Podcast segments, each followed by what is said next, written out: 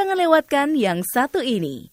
Acara belajar bahasa Inggris All About Idioms dari VOA Washington bersama Irna Sinulinga.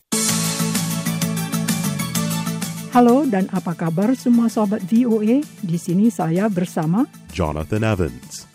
Welcome, friends, to All About Idioms. Acara ini khusus membahas idiom bahasa Inggris yang umum dalam tulisan dan percakapan orang Amerika sehari-hari. Idiom adalah sekumpulan kata yang punya arti tersendiri, jadi tidak bisa diterjemahkan secara harfiah.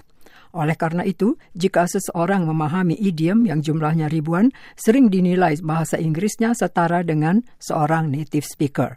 Salah satu idiom yang sering kita dengar atau baca adalah Jonathan. Close-minded, Irna. Sekali lagi, close-minded.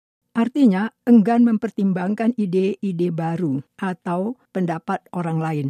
Closed, ejaannya C-L-O-S-E-D, adalah past tense untuk close, ejaannya C-L-O-S-E, artinya tutup. Minded, ejaannya M-I-N-D-E-D, berasal dari kata mind, ejaannya M-I-N-D, artinya pikiran. Kita simak contohnya.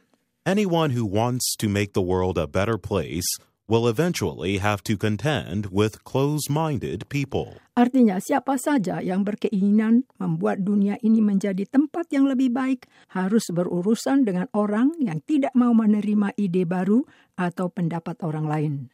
Lawan idiom close-minded adalah An open mind. Sekali lagi, an open mind. Artinya mau mempertimbangkan ide-ide baru atau mendengar pendapat orang lain. Open, ejaannya O-P-E-N, artinya buka. Kita simak contoh idiom an open mind. People who have an open mind usually are easy to get along with. Artinya, orang yang mau menerima pendapat orang lain biasanya mudah bergaul dengan siapa saja. Kita tadi telah membahas dua idiom. Closed-minded, dan an open mind.